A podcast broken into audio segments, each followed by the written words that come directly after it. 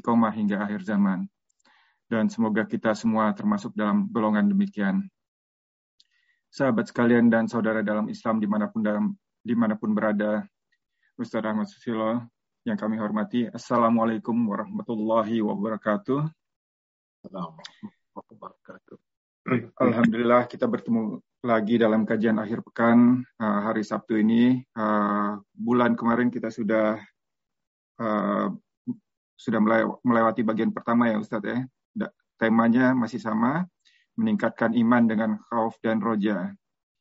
Dan uh, sebelum kita mulai, kami juga ingatkan kembali untuk video dan mikrofonnya dimatikan atau dimutekan selama kajian, agar kita semua bisa fokus untuk mendengarkan. Dan nanti untuk sesi tanya jawab, kami harapkan pertanyaan juga disampaikan bisa lewat admin, admin Rumah Dakwah Paduka, dan disampaikan dengan singkat dan to the point agar bisa memberikan kesempatan kepada penanya yang lain. Untuk mempersingkatkan waktu, untuk mempersingkat waktu, Ustaz dipersilakan Ustaz. Tafadol. Jazakallahu khairan. Bismillah. Assalamualaikum warahmatullahi wabarakatuh. Innal hamdalillah نحمده ونستعينه ونستغفره ونعوذ بالله من شرور أنفسنا وسيئات أعمالنا. من يهده الله فلا مضل له ومن يضلل فلا هادي له. أشهد أن لا إله إلا الله وحده لا شريك له وأن محمدا عبده ورسوله لا نبي بعده. Allahumma salli wa sallim wa barik ala Muhammadin wa ala alihi wa ashabihi ajma'in wa man tabi'ahum bi ihsan ila yaumiddin amma ba'd. Ya ayyuhalladzina amanu taqullaha haqqa tuqatih wa la tamutunna illa wa antum muslimun. Saudaraku seiman, Bapak Ibu, jamaah rumah paduka UK yang semoga dirahmati Allah dan para jamaah yang ikut bergabung pada kesempatan malam hari ini waktu Indonesia, dan siang hari di waktu di UK. Alhamdulillah segala puji mari kita hadirkan senyumkan kepada Allah Subhanahu wa taala atas segala limpahan rahmatnya, nikmat dan karunia-Nya. Bisa masih diberi kesempatan oleh Allah untuk mentadaburi ilmu Al-Quran, hadis yang insya Allah dengan kita senantiasa mentadabur ayat-ayat Al-Quran, hadis-hadis Rasulullah, semoga kita bisa tetap istiqamah dalam keadaan iman dan takwa. Salawat serta salam semoga terlimpahkan, tercurahkan kepada Nabi kita Rasulullah Muhammad sallallahu alaihi wasallam. Semoga tercurah kepada seluruh keluarga, sahabat, dan seluruh pengikutnya hingga yaumin akhir. Malam ini, jamaah sekalian, kita melanjutkan kajian kita tentang meningkatkan iman dengan khauf dan roja. Sudah kita bahas secara singkat tentang khauf dan roja secara makna dan wabil khusus kita sudah mengerahkan tentang khauf, tentang rasa takut. Terbagi menjadi tiga. Takut yang sifatnya mubah, takut tabi'i. yakni manusia takut akan gelap, takut akan binatang buas, takut akan ketinggian, takut nanti begini, begitu, dan seterusnya. Sepanjang takut itu tidak sampai meninggalkan aturan Allah, meninggalkan perintah Allah, menjalankan larangan Allah, maka takut yang seperti ini tabiat, tidak mengapa. Tidak menjadi dosa. Kemudian yang kedua adalah takut yang nilainya ibadah. Itulah takut yang paling utama. Dan itulah khasyah, takut kepada Allah. Dan setiap manusia wajib takut kepada Allah. Kemudian yang ketiga, takut yang berbuah menjadi dosa, takut yang maksiat. Apa itu? Yang pertama contohnya adalah takutnya seorang hamba kepada makhluk sehingga menjadikan dia meninggalkan ketaatan. Seorang bawahan takut sama atasan, disuruh atasan berdusta, manipulasi, nurut. Berarti dia lebih takut sama manusia dibandingkan takut sama Allah. Lalu dia bermaksiat kepada Allah. Maka haram takut seperti ini. Karena takutnya kepada makhluk mengalahkan takutnya kepada manusia. Seperti kemarin saya sudah kita ceritakan juga seseorang mau ibadah takut dengan setan, gangguan setan, gak jadi ibadah. Maka takut seperti ini mengalahkan takutnya kepada Allah. Maka ini maksiat, dosa. Dan di antara takut yang dosa yang maksiat adalah takut sir, yakni takut yang tersembunyi. Takutnya manusia ketika menggantungkan diri kepada benda-benda yang dijadikan menjadi kesyirikan. Ketika ketinggalan jimat, takut nanti akan begini dan begitu. Ketika ketinggalan keris, nanti takut begini dan begitu. Maka takut yang ini adalah termasuk syirik. Bahkan bisa jadi menjadi syirik akbar. Takut dengan pohon keramat. Kalau mau lewat, punten bah, amit-amit, numpang lewat. Ini tanpa disadari, itu adalah takut-takut yang sir, yang na'udzubillah, itu bisa menjadikan seseorang terjerumus ke dalam kesyirikan. Takut ini warisan leluhur keris ini. Kalau dibuang nanti malah menimbulkan celaka. Maka dipilih tiap malam Jumat, dimandikan, dikasih kembang. Takut-takut seperti itu haram. Nah ini sudah kita bahas secara singkat di pertemuan yang lalu. Sekarang kita khusus membahas tentang khosyah. Takut yang wajib dimiliki seorang hamba yaitu takutnya hamba kepada Allah.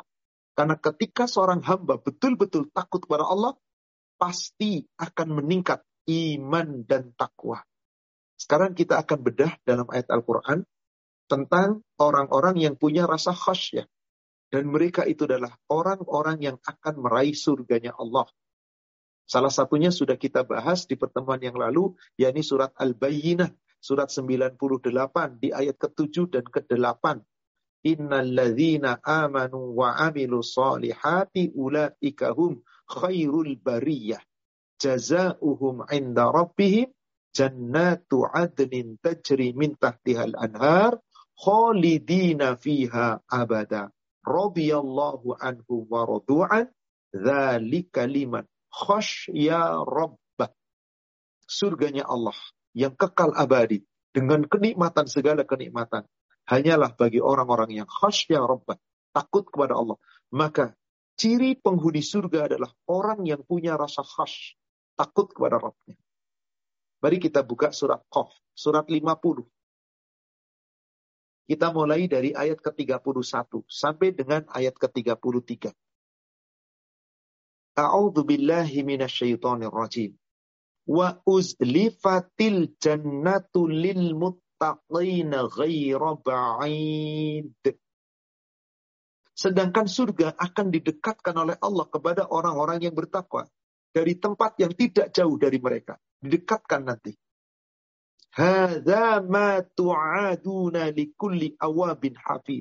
Inilah nikmat surga. Inilah surga. Nikmat yang Allah janjikan yaitu kepada setiap hamba yang senantiasa bertobat kepada Allah, awab, dan hafid yang selalu memelihara, menjaga diri dari segala aturan Allah, tidak dilanggar. Siapakah mereka itu yang mampu menjaga segala aturan Allah? Man khasyar rahmana bil ghaib. Orang-orang yang khasyar rahman, yang betul-betul memiliki rasa takut, takut kepada Allah yang maha pengasih bil ghaib. Meskipun Allah itu tidak terlihat. Meskipun itu Allah itu gaib. Maka hamba yang seperti ini, jika dia telah terlanjur berbuat kesalahan dan dosa, dia akan wajah abi qalbi munib. Segera datang kepada Allah dengan hati yang bertobat. Dia tidak membiarkan dirinya terjerumus di dalam kemaksiatan, di dalam dosa-dosa. Kenapa? Karena takut kepada Allah. Karena takut kepada Allah. Maka hamba-hamba yang takut kepada Allah, insya Allah, mereka itu gampang diberi peringatan. Ada sebuah rangkaian ayat Al-Quran yang ayat ini menggetarkan seorang hamba yang bernama Umar bin Khattab. Yang saat itu bencinya kepada Rasul luar biasa. Bencinya kepada Islam luar biasa. Bahkan begitu bencinya kepada Rasul dan Islam, Umar bin Khattab pernah memukul adik perempuannya sendiri. Tapi apa yang terjadi ketika Umar bin Khattab mendapatkan hidayah dari Allah? Hanya mendengar bacaan surat Toha. Beberapa ayat di awal ayat Toha. Itu menggetarkan hati seorang Umar bin Khattab. Yang dengan awal ayat surat Toha itu, Umar bin Khattab langsung mendatangi Rasul dan beliau mengucapkan kalimat syahadat. Kenapa? Karena khasya Rob. Takut kepada Robnya. Padahal saat itu dia tidak mengenal Robnya itu siapa. Tapi dengan sebuah ayat Al-Quran. Surat Toha, mari kita buka dari ayat 1. Surat 20 dari ayat pertama. Bismillahirrahmanirrahim. Oha. Hanya Allah yang mengetahui maknanya. Ma anzalna alaikal qur'ana litashqa. Kami, kata Allah, tidak menurunkan Al-Quran kepadamu, ya Muhammad, agar engkau menjadi susah. Meskipun pada prakteknya ketika Rasul telah mendapatkan wahyu Al-Quran, Rasul itu menjadi susah. Kenapa? Karena dihina orang-orang kafir Quraisy, karena dicela, dianggap gila, diusir, disakiti, bermacam-macam. Jadi menjadi susah. Tapi ternyata Al-Quran Allah turunkan bukan untuk menyusahkan Nabi illa kecuali melainkan tazkiratan liman yahsha. Quran itu peringatan bagi orang yang takut. Takut kepada siapa? Kepada Allah. Liman yahsha. Hanya orang yang betul-betul takut. Maka orang yang takut kepada Allah dengan Al-Quran, hatinya makin bergetar dan makin tenang karena takutnya kepada Allah tanzila mimman khalaqal arda was samawatil ula. Diturunkan oleh Allah Rabb yang menciptakan bumi dan langit yang tinggi. Ar-Rahmanu ala arsyistawa. Ar-Rahman yang maha pengasih. Yang berada bersemayam di atas arsh yang tinggi. Lima ayat ini menggetarkan Umar bin Khattab. Maka seyogianya saudaraku sekalian, kita jika ingin bertambah iman kita, biasakan kita tadabur Al-Quran, kita baca Quran, kita coba pahami Al-Quran, kita pelajari Al-Quran. Allah berikan jaminan, orang-orang yang senantiasa membaca kitab Allah, Al-Quran, dan terus-menerus mentadaburinya, mencoba memahaminya, diberikan jaminan oleh Allah, hatinya akan tenang, karena dengan ayat-ayat itu dia makin takut kepada Allah. Dengan ayat itu dia makin takut kepada Allah. Kalau betul-betul dia memahami. Tapi jika tidak memahami, sulit. Bagaimana akan takut? Wong dia tidak paham apa yang dia baca. Coba perhatikan surat 39, surat Az-Zumar. Ayatnya ayat yang ke-23. Allah subhanahu wa ta'ala berfirman. Allahu nazzala ahsanal hadis. Allah lah yang telah menurunkan sebaik-baik perkataan, yakni firman. Apa itu? Kitab, kitab Al-Quran. Mutasyabiham mazaniyah. Yang ayat-ayatnya serupa, lagi sama, dan sering diulang-ulang. Ayat Quran itu sama, serupa dan sering diulang. Nanti kita akan bahas tentang khosyah dalam Al-Quran, belasan ayat Al-Quran. Kita akan bahas. Dan intinya sama, khosyah, takut kepada siapa? Kepada Allah. Diulang-ulang oleh Allah dan ayatnya semakna, serupa. Bagaimana orang yang biasa mengulang-ulang Al-Quran, membaca ayat-ayat Allah, dan memahaminya taksyairu minhu juludul ladzina yakhshawna rabbahu. Dengan mengulang ayat Al-Quran, mencoba memahami ayat Al-Quran, maka menjadi bergetar kulitnya, tubuhnya orang-orang itu. Kenapa? Yahshawna rabbahum. Karena khosyah kepada Rabb mereka nggak mungkin bergetar tingannya, nggak mungkin bergetar tubuhnya, nggak mungkin bergetar hatinya saat dia membaca Quran kalau nggak takut sama Allah. Bahkan yang ada Quran ditentang. Maka orang-orang yang punya rasa takut, ketika awalnya dia bergetar karena rasa takut, dengan dia mencoba memahaminya, mentadaburinya, memahaminya, mengamalkannya. Summatalinu juluduhum wa kulubuhum ila zikrillah. Kemudian kulit mereka, tubuh mereka, hati mereka talinu menjadi tenang, menjadi tentram ila zikrillah karena selalu mengingat Allah, karena mentadaburi Al-Qur'an, mencoba mengkaji Al-Qur'an, tenang hatinya, tenang tubuhnya. Kenapa? Karena takut kepada Allah. Zalika hudallahi yahdi bihi. Itulah Al-Quran, petunjuk Allah yang dengan itu Allah berikan petunjuk kepada siapa pun hamba-hamba Allah yang Allah kehendaki. Wa yudlilillah fama lahu Barang siapa yang dibiarkan oleh Allah sesat, maka siapakah yang bisa memberikan petunjuk? Adakah yang bisa memberi petunjuk setelah Allah biarkan sesat? Saudaraku seiman, dari ayat ini sebagai mukadimah dari bahasan kita hari ini, jelas bahwasanya takutnya seorang hamba kepada Allah mutlak dan wajib memiliki rasa takut kepada Allah. Demikianlah Allah mengutus para nabi-nabi. Diberikannya kitab-kitab kepada Nabi Musa dan Nabi yang lain. Disampaikannya kitab-kitab. Supaya apa? Nabi takut kepada Allah, mengajarkan kepada umatnya, khasya Allah, khasya Rabbu. Takut kepada Allah dan takut hanya kepada Rabbnya. Tidak kepada yang lain.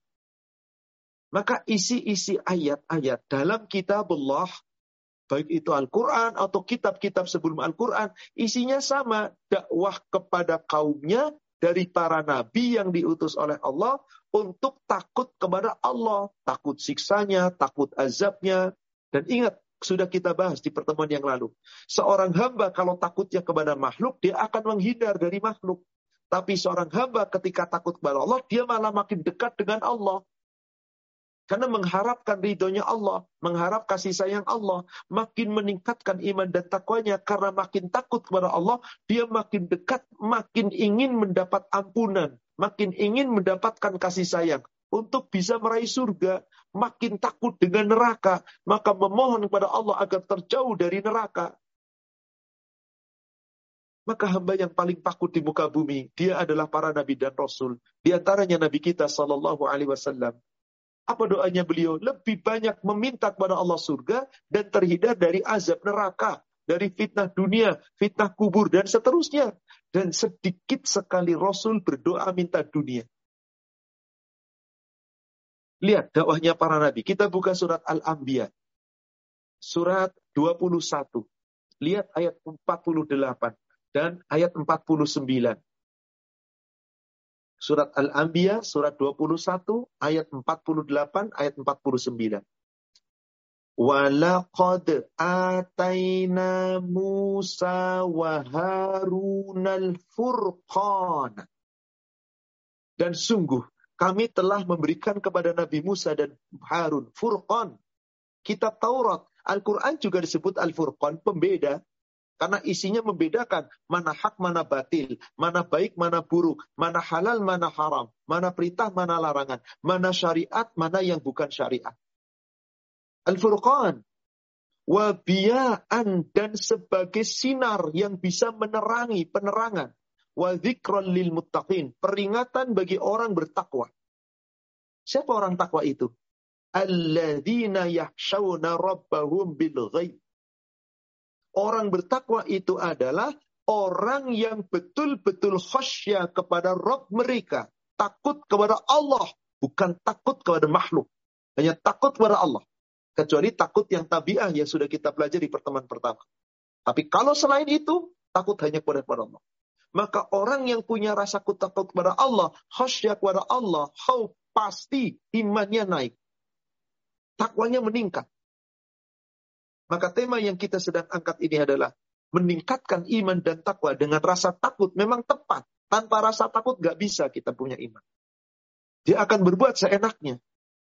Maka siapa tadi orang-orang yang betul-betul bertakwa itu alladzina rabbahum bil ghaib. Yaitu orang-orang yang khasyah kepada Rabb mereka, hanya takut kepada Allah meskipun gaib. Wahum minas mereka adalah orang-orang yang sangat takut dengan hari kejadian hari kiamat. Tibanya hari kiamat di mana nanti akan dibangkitkan di padang masyar dan akan dimintai pertanggungjawaban. Maka orang yang khasyah kepada Allah, peringatan yang selalu dia jadikan menjadi pedoman, tidak lain tidak bukan kitabnya umatnya para nabi, kitab-kitab yang jadi patokan. Kita umatnya Nabi Muhammad sallallahu alaihi wasallam. Maka apa peringatan kita? Al-Qur'an. Makin takut kita kepada Allah, makin cinta kita dengan Quran. Makin dekat kita dengan Quran. Karena Quran adalah isinya peringatan. Kemuliaan dari Allah bagi orang yang mau diberi peringatan. Masih di surat Al-Anbiya. Coba kita lihat ke ayat 50. Nanti dari ayat 50 kita mundur ke ayat 10. Lihat dulu ayat 50-nya. Surat yang sama. Zikrum mubarakun anzalna. Dan inilah Quran, peringatan Allah yang penuh dengan barakah. Maka orang yang takut kepada Allah, makin dekat dengan Allah, makin cinta dengan Quran. Karena sadar Quran itu penuh dengan barakah. Dan Allah telah turunkan. Afa antum lahu mungkirun? Apakah kamu mau mengingkari Al-Quran? Orang yang mengingkari Al-Quran makin jauh takutnya kepada Allah. Coba perhatikan. Makin manusia tidak cinta dengan Quran, makin jauh cintanya kepada Allah, makin gak takut sama Allah, makin tipis iman dan takwanya.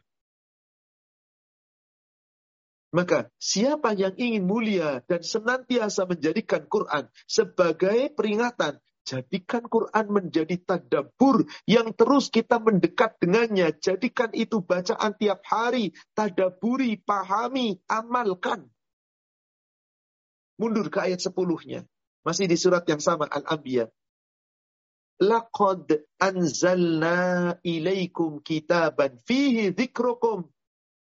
Sungguh telah kami turunkan kepadamu sebuah kitab, Al-Quran yang di dalam Al-Quran itu ada peringatan-peringatan dan itu sumber kemuliaan bagi kamu. Afala taqilun? Tidakkah kamu menggunakan akalmu? Apa kamu tidak mencoba untuk mengerti, memahami Al-Quran? Maka sungguh, orang-orang yang senantiasa takut kepada Allah, nggak bakal jauh dari Quran maka mereka akan berpegang teguh dengan agamanya. Apa sumbernya? Al-Quran itu wahyu Allah yang wajib kita pegang teguh bagi orang-orang yang takut kepada Allah. Maka setiap kita, kalau benar-benar Anda takut kepada Allah, pasti akan dimintai pertanggungjawaban oleh Allah tentang Al-Quran. Az-Zukhruf, surat 43. Lihat ayat 43 dan ayat 44. Surat Az-Zukhruf, surat 43, ayat 43 dan ayat 44. Fastamsik billadhi uhiya ilaika. Maka wahai Muhammad, berpegang teguhlah engkau kepada agama yang telah kami wahyukan kepada kamu. yakni agama Islam yang berpedoman dengan wahyu, Al-Quran. Innaka ala siratim mustaqim. Sungguh, jika kamu tetap berpedoman dengan Al-Quran, engkau akan tetap berada di jalan yang lurus. Maka engkau akan selalu punya rasa takut kepada Allah. Lalu di ayat yang berikutnya, ayat 44. Wa innahu la laka wa liqaumika. Dan sungguh Quran itu betul-betul peringatan bagi kamu, sumber kemuliaan untukmu dan untuk kaummu. Siapa yang ingin mulia di sisi Allah, takutlah kepada Allah. Jadikan Quran sebagai peringatan kita akan terus punya rasa takut kepada Allah. Wasaufatus dan sungguh kamu kelak akan dimintai pertanggungjawaban. Kita akan dimintai tanggung jawab saudara sekalian tentang rasa takut kita kepada Allah. Makin kita punya rasa takut kepada Allah, makin dekat kita dengan Quran, makin cinta dengan Quran, tadabur Al-Quran, kita akan meyakini dan mengamalkannya. Maka tugasnya para nabi diperintahkan mengingatkan kaumnya. Dan kita sudah mendapat peringatan itu dari nabi dalam Al-Quran maupun dalam hadis. Maka di surat Al-A'la, surat 87, ayat ke-9. Dan insya Allah ini salah satu surat yang hafal umat Islam. Karena ini dipakai senantiasa di saat apa? Dipakai ketika sholat witir di ayat pertama, kita di, di rokat pertama, dan dipakai oleh imam ketika sholat Jum'ah, ketika sholat subuh di hari Jum'ah, sholat hari raya, Idul Fitri, Idul Adha. Ini surat Al-A'la senantiasa dibaca. Fadzakir inna fa'ati dzikra.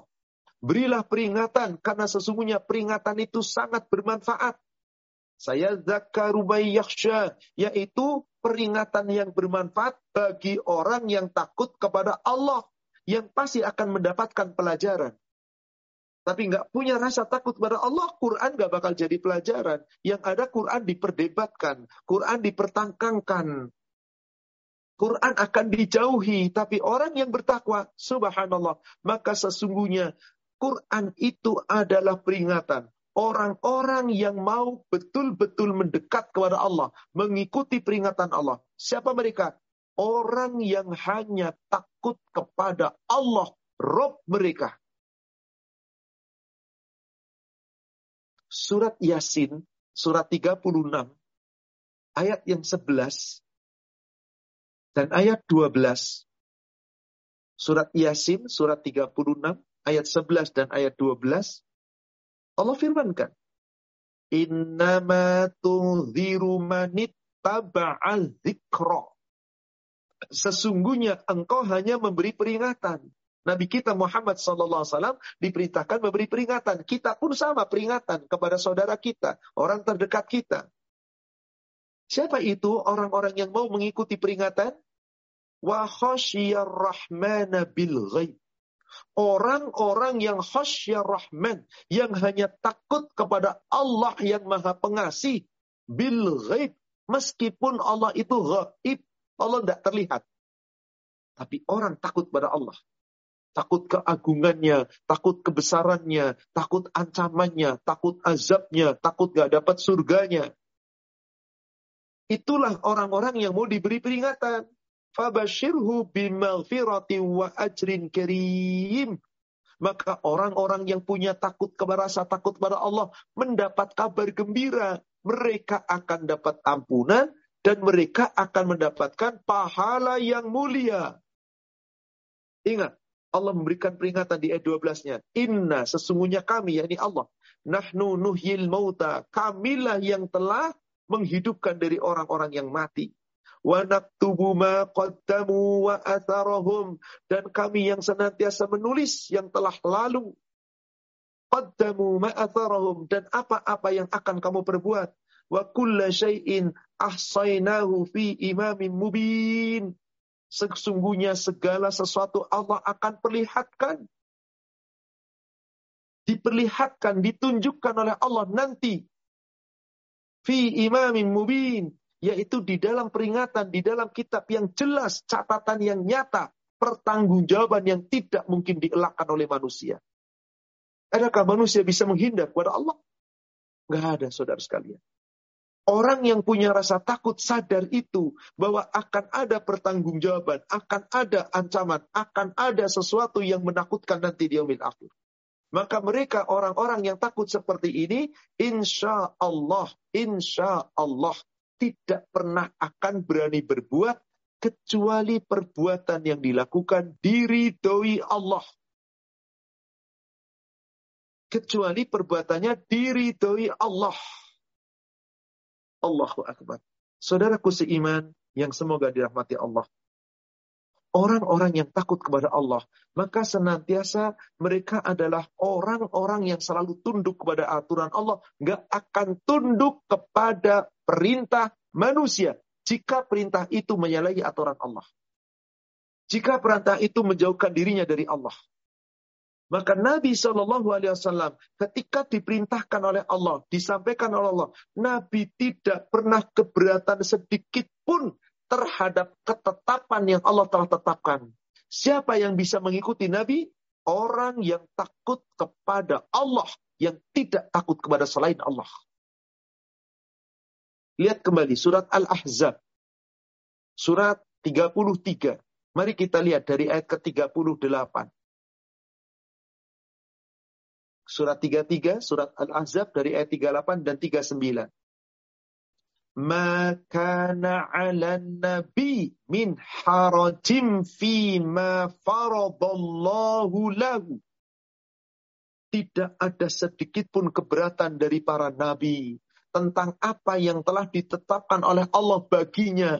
Nabi itu diperintah Allah apa pun dijalankan, gak pernah dibantah. Sekecil apa pun. Apakah kita berbuat seperti itu? Jauh sekali. Mari kita resapi ayat ini. Nabi tidak pernah membantah sedikit pun. Sunnatullahi fil ladina khalau min qabl.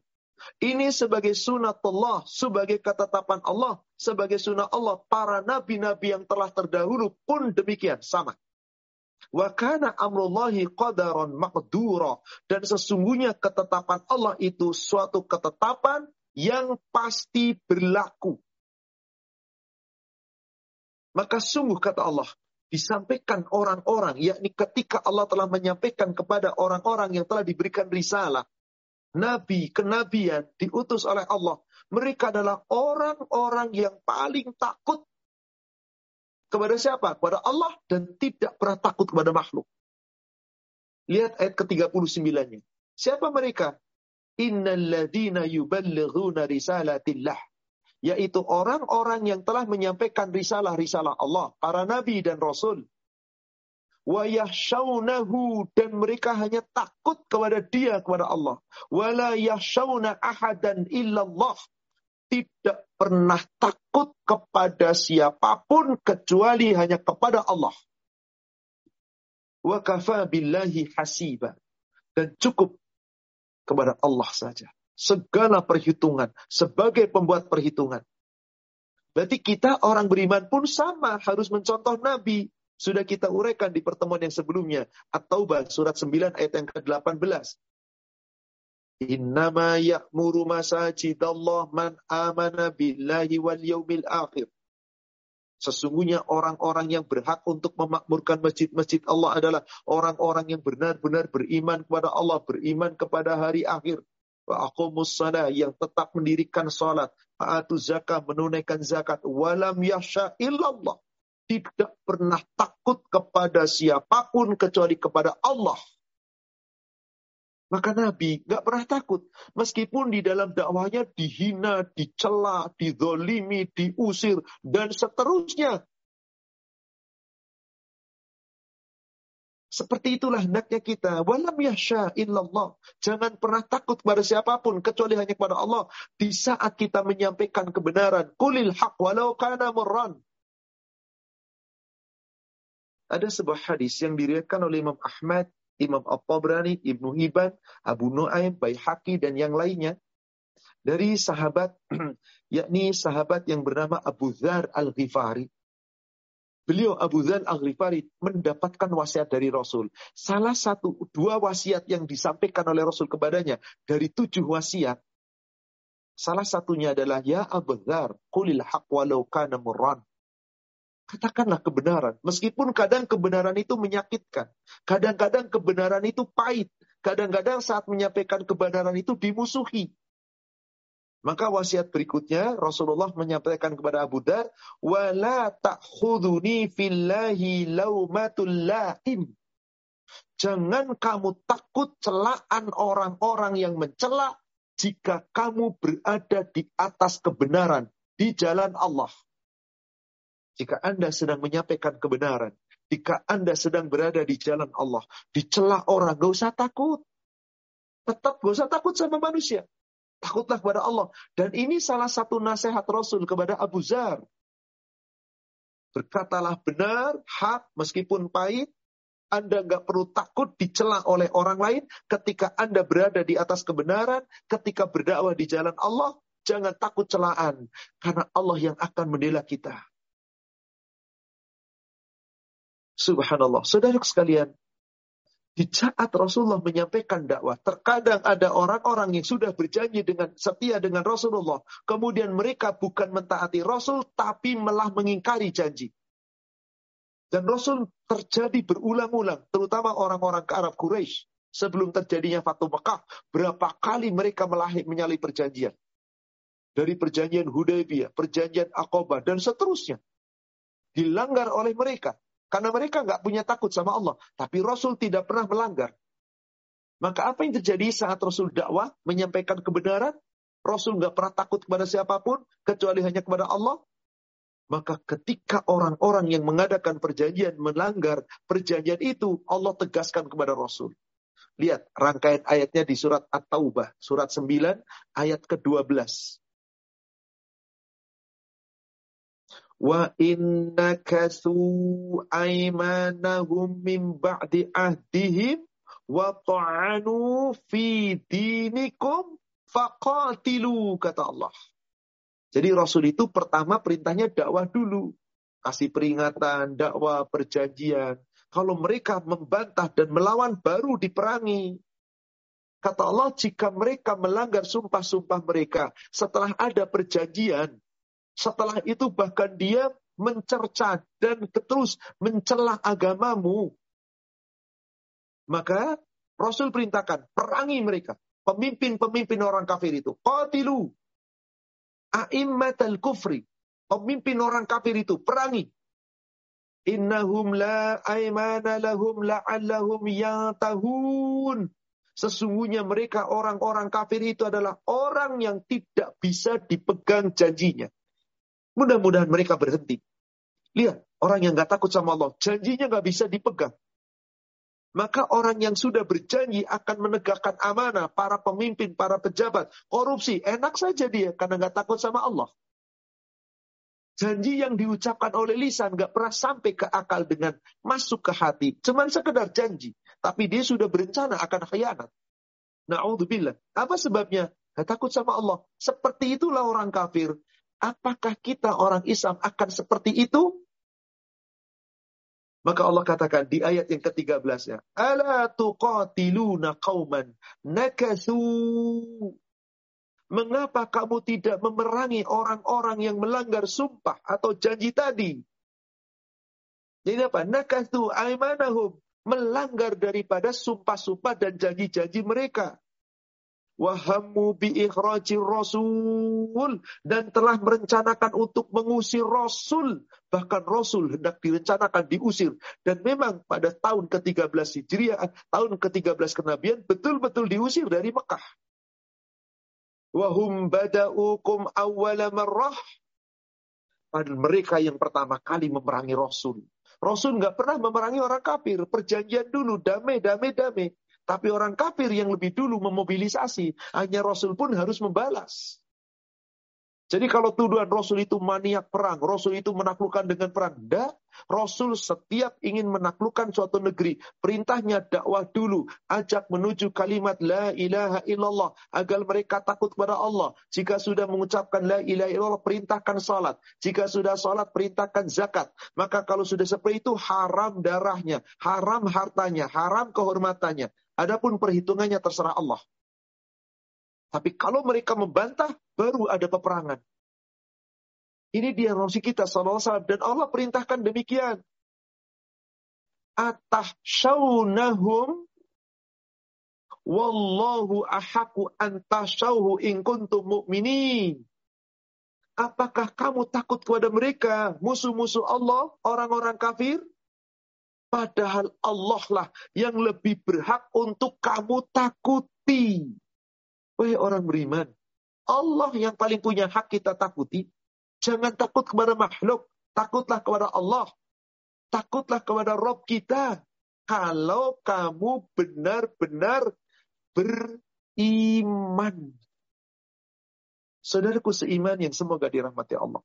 Dan perintah takut kepada Allah bukan hanya kepada Rasul Muhammad wasallam dan kepada kita umat yang tidak. Sejak nabi-nabi diutus oleh Allah, nabi-nabi pembawa risalah. Seperti Nabi Musa melalui kitab Tauratnya. Kemudian Nabi Daud melalui Zaburnya. Nabi Isa melalui Injilnya. Itu semua nabi-nabi itu diperintahkan oleh Allah mengajak kaumnya supaya kaumnya berhukum dengan hukum Allah. Supaya takut kepada Allah. Jangan dengan hukum manusia. Yang menetapkan hukum dengan hukum manusia nggak takut sama Allah. Coba kita lihat berkaitan dengan hukum. Surat 5, surat Al-Maidah ayat 44. Inna anzalna taurata fiha huda wa nura.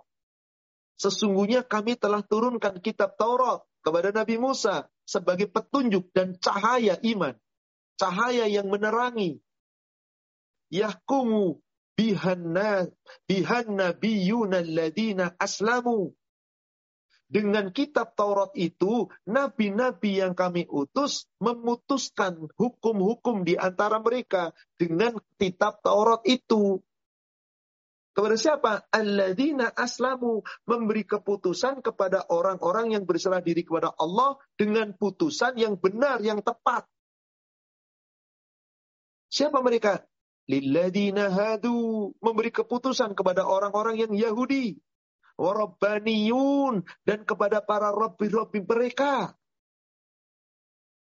Sebab itu Rabbanium yang dimaksud itu, ya ini para ulama-ulama, pendeta-pendeta mereka yang mempelajari ilmu Taurat. Berarti mereka harusnya tahu di dalam kitab Taurat ada perintah berhukum dengan hukum Allah. Harus takut kepada Allah.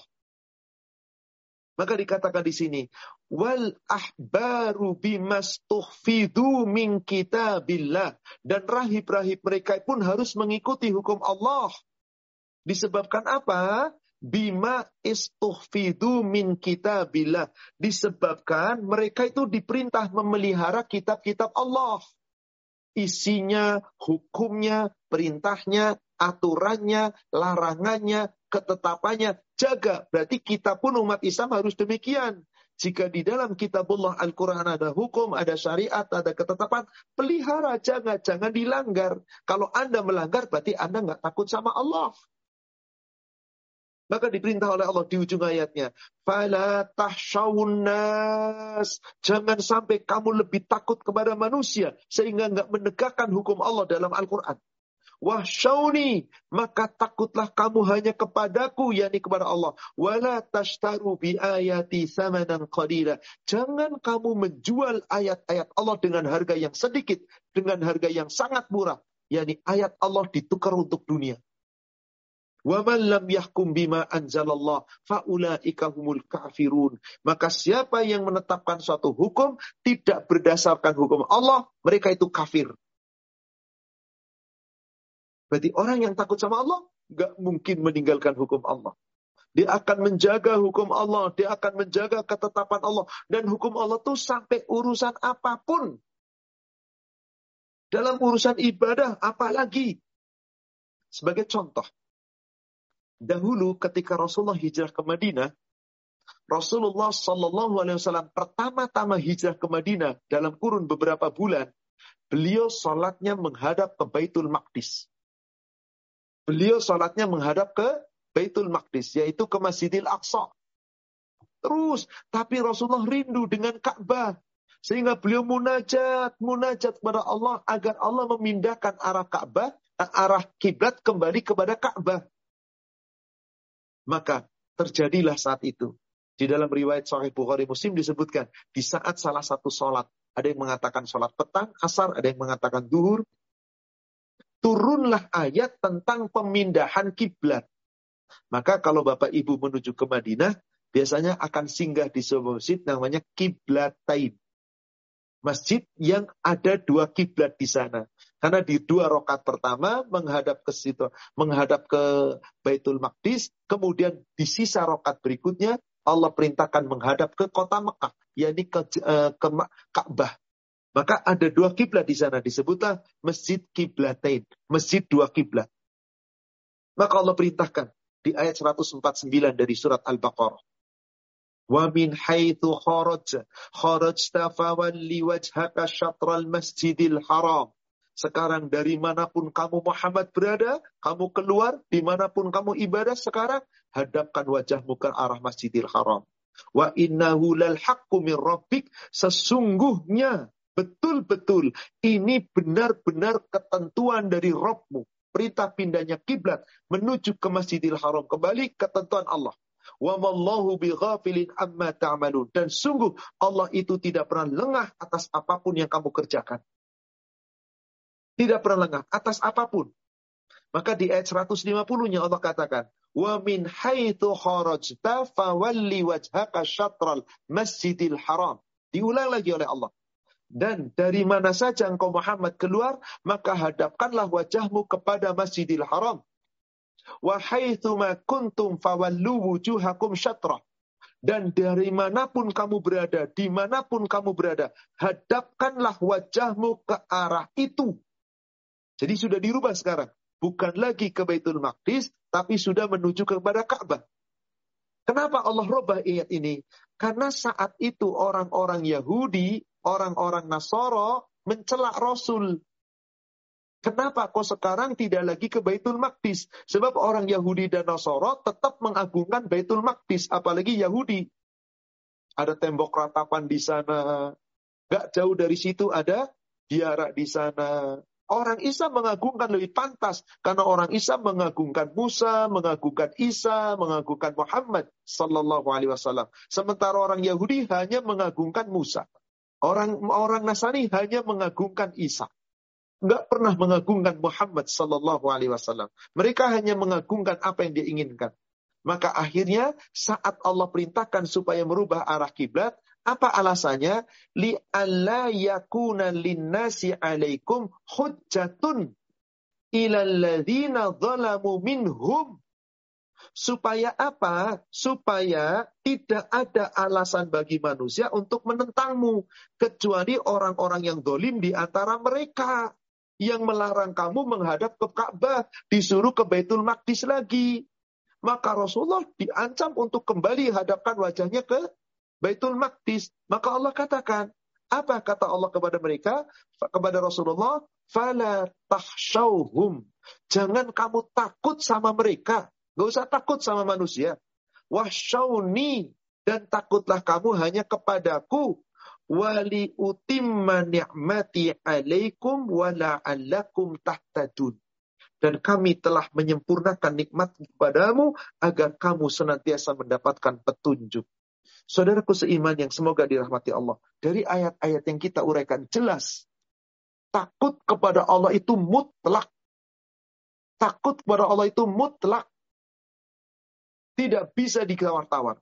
Wajib kita miliki terhadap seorang Apa pun aturan Allah, sekecil apa pun, Allah selalu mengulang-ulang. Jangan kamu takut kepada manusia, takutlah kepadaku, kata Allah. Fala tashawhu washawni. Jangan sampai kamu takut kepada mereka. Takutlah kepadaku. Dan ini Allah ulangi pula di firman Allah ayat terakhir. Di saat Allah firmankan di Arafah. Yakni surat Al-Ma'idah ayat 3. Bukankah ini ayat yang terakhir turun? Itu rangkaiannya apalah dimulai dari apa? Hurrimat alaikumul maitatu waddamu walahmul khinjir. Dan seterusnya dihalalkan oleh kamu, diharamkan untuk kamu, yaitu apa? Dan bangkai, darah, babi, dan seterusnya, dan seterusnya, sampai di tengah-tengah ayat. Coba lihat. Setelah kalimat dalikum fiskum, itu semua haram, itu semua kotor. Al-yawma ya'isal kafaru min dinikum.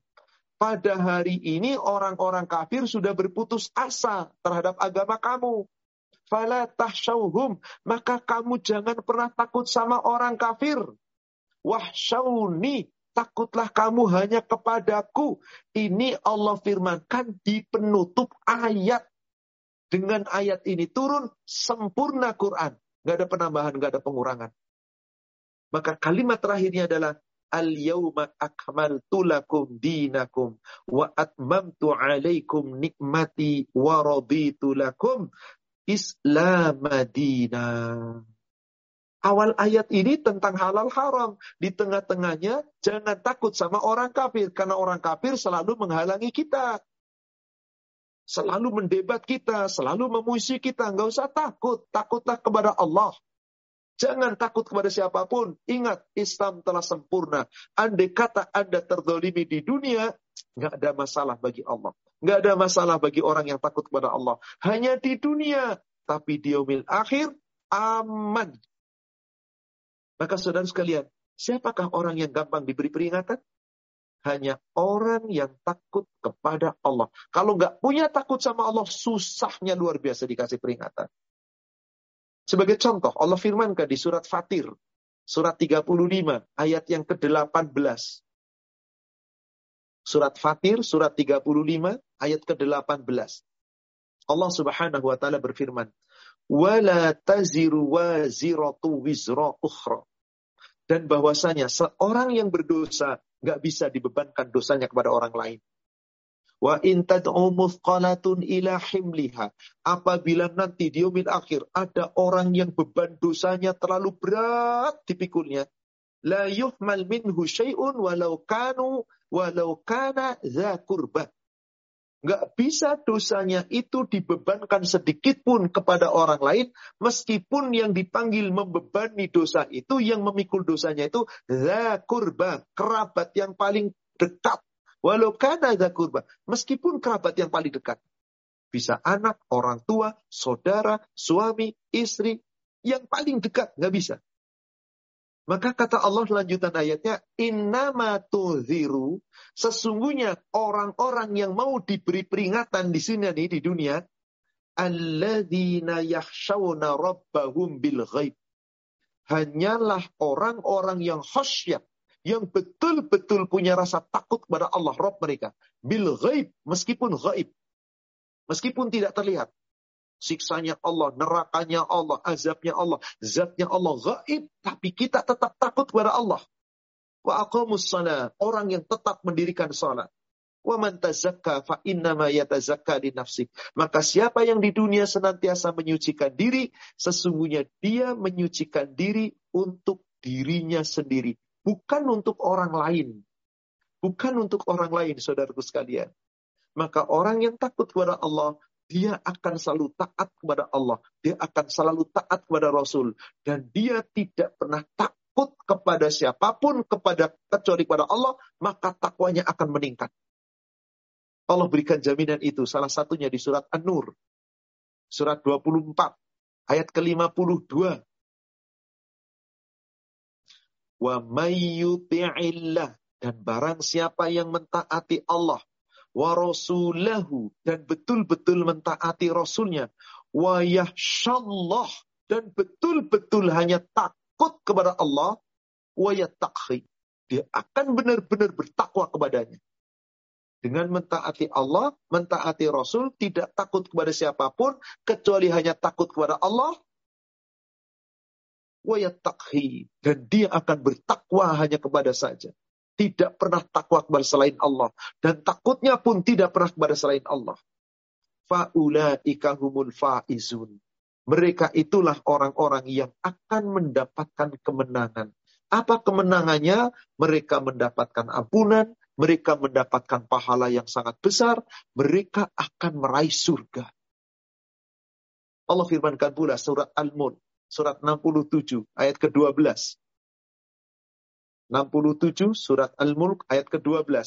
Innalladzina yakhshawna rabbahum bil ghaib. Sesungguhnya orang-orang yang betul-betul hanya takut kepada Allah, Rabb mereka, meskipun gaib. Lahum maghfiratun wa ajrun kabir. Bagi mereka Allah sediakan ampunan dan Allah menyediakan ajrun kabir. Pahala yang sangat besar. Pahala yang sangat besar. Anehnya saudara sekalian banyak manusia nggak takut sama Allah.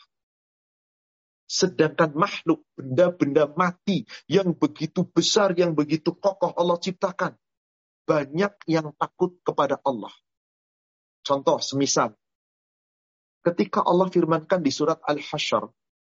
Allah mengibaratkan, andai kata Quran diturunkan oleh Allah kepada gunung. Gunung yang begitu kokoh.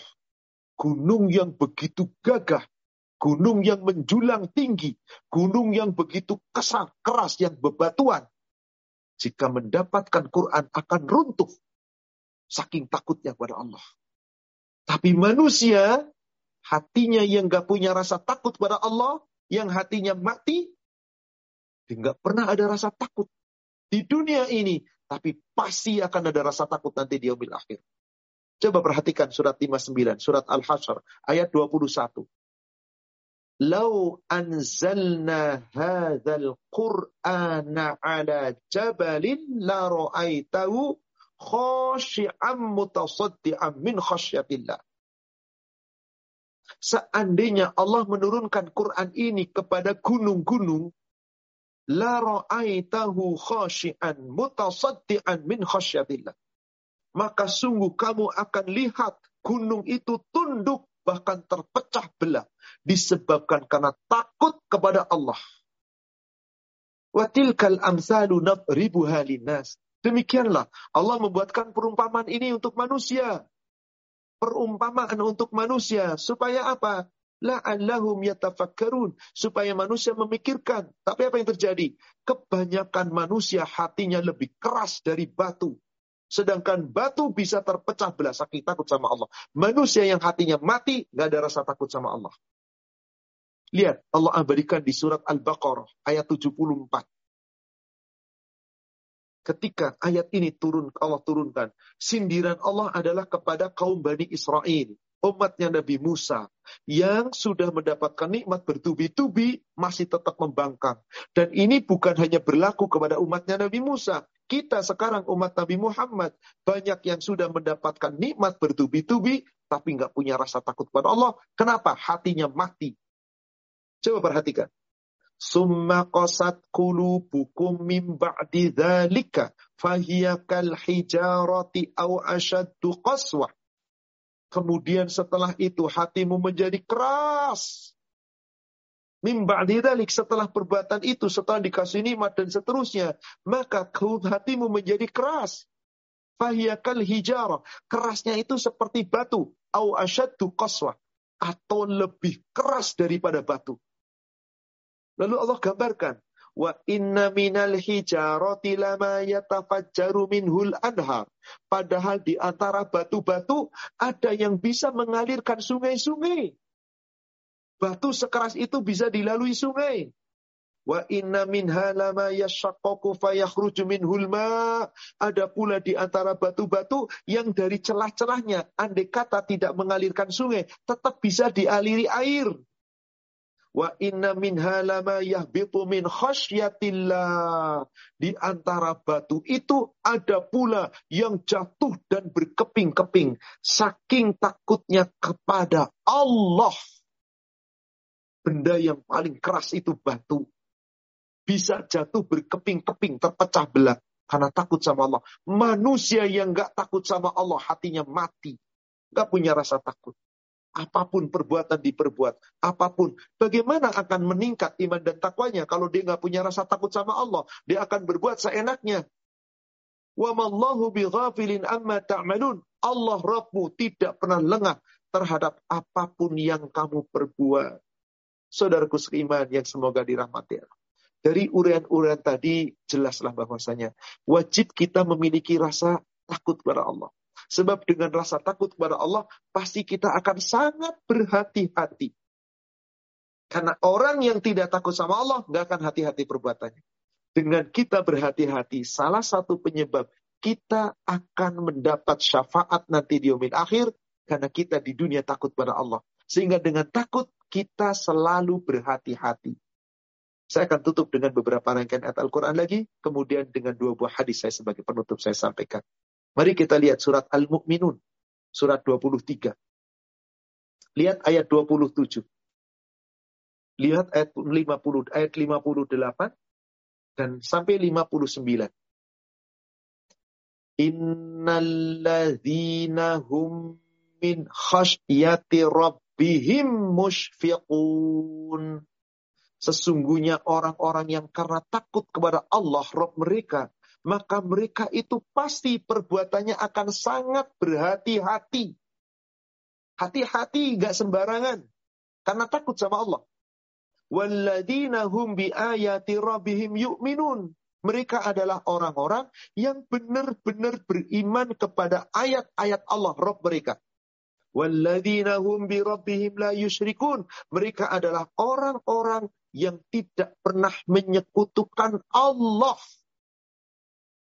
maka orang yang seperti itu di dalam hati mereka akan dikumpulkan oleh Allah rasa takut, dipenuhi dengan rasa takut. Lihat ayat 60-nya. Walladzina yu'tuna ma atau wa qulubuhum wajilatun annahum ila rabbihim raji'un. Mereka orang-orang yang senantiasa memberikan apa yang mereka berikan. Yaitu mereka bersodakoh kepada orang-orang yang membutuhkan. Dengan apa? Dengan penuh rasa takut. Kenapa? Karena mereka tahu sesungguhnya mereka akan kembali kepada Allah. Mereka akan kembali kepada Allah. yakni kembali menemui Allah. Dan nanti di padang masyar seseorang nggak bakal bisa dapat syafaat. Nggak diizinkan dapat syafaat. Salah satu orang yang kelak mendapat syafaat adalah orang yang di dunia takut kepada Allah sehingga perbuatannya selalu berhati-hati. Surat Al-Anbiya. Silakan kita lihat surat Al-Anbiya. Surat 21, ayat ke-28. Ya'lamu ma baina aidihim wa ma khalfahum. Allah dialah yang mengetahui apa yang ada di hadapan mereka, apa yang ada di belakang mereka yang akan terjadi jadi yang akan terjadi pada kita, yang telah terjadi, malaikat yang di depan, yang di belakang, yang mengawasi kita. Allah tahu, yang kita nggak tahu. Wala yashfa'un dan nanti tidak akan berguna syafaat, nggak berlaku syafaat. Illa limanir tabo kecuali hanya sebagian dari orang-orang yang memang Allah ridhoi untuk mendapatkan syafaat. Kenapa Allah ridho kepada mereka? Perhatikan ujung ayatnya wahum min khosyatihi musfiqun. Mereka adalah orang-orang yang takut kepada Allah. Sehingga karena takut kepada Allah, mereka selalu berhati-hati. Ini dia. Selalu berhati-hati.